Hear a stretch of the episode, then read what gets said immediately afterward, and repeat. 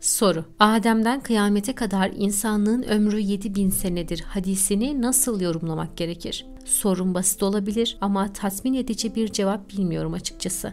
Adem'den kıyamete kadar insanlığın ömrü 7000 senedir hadisiyle yeni bulunan 300 bin yaşındaki insan fosili keşfini nasıl okumak ve yorumlamak gerekir? Cevap O hadisin senedi sahih değildir. Yani Efendimiz sallallahu aleyhi ve sellem onu demiş diyemeyiz ki bir yorum yapmamız gereksin. Tevrat'a yorumlar yapan kitaplardan hadis diye Müslümanların kültürüne girmiş çok söz var ki hadis ilmini giriş seviyesinde bilen insanlar bile o sözleri Efendimizin sallallahu sallallahu aleyhi ve sellemin söylemediğini bilirler. Kültürde bulunan o ters sözler de farklı eserlere girmiştir. Bir anlamları yoktur.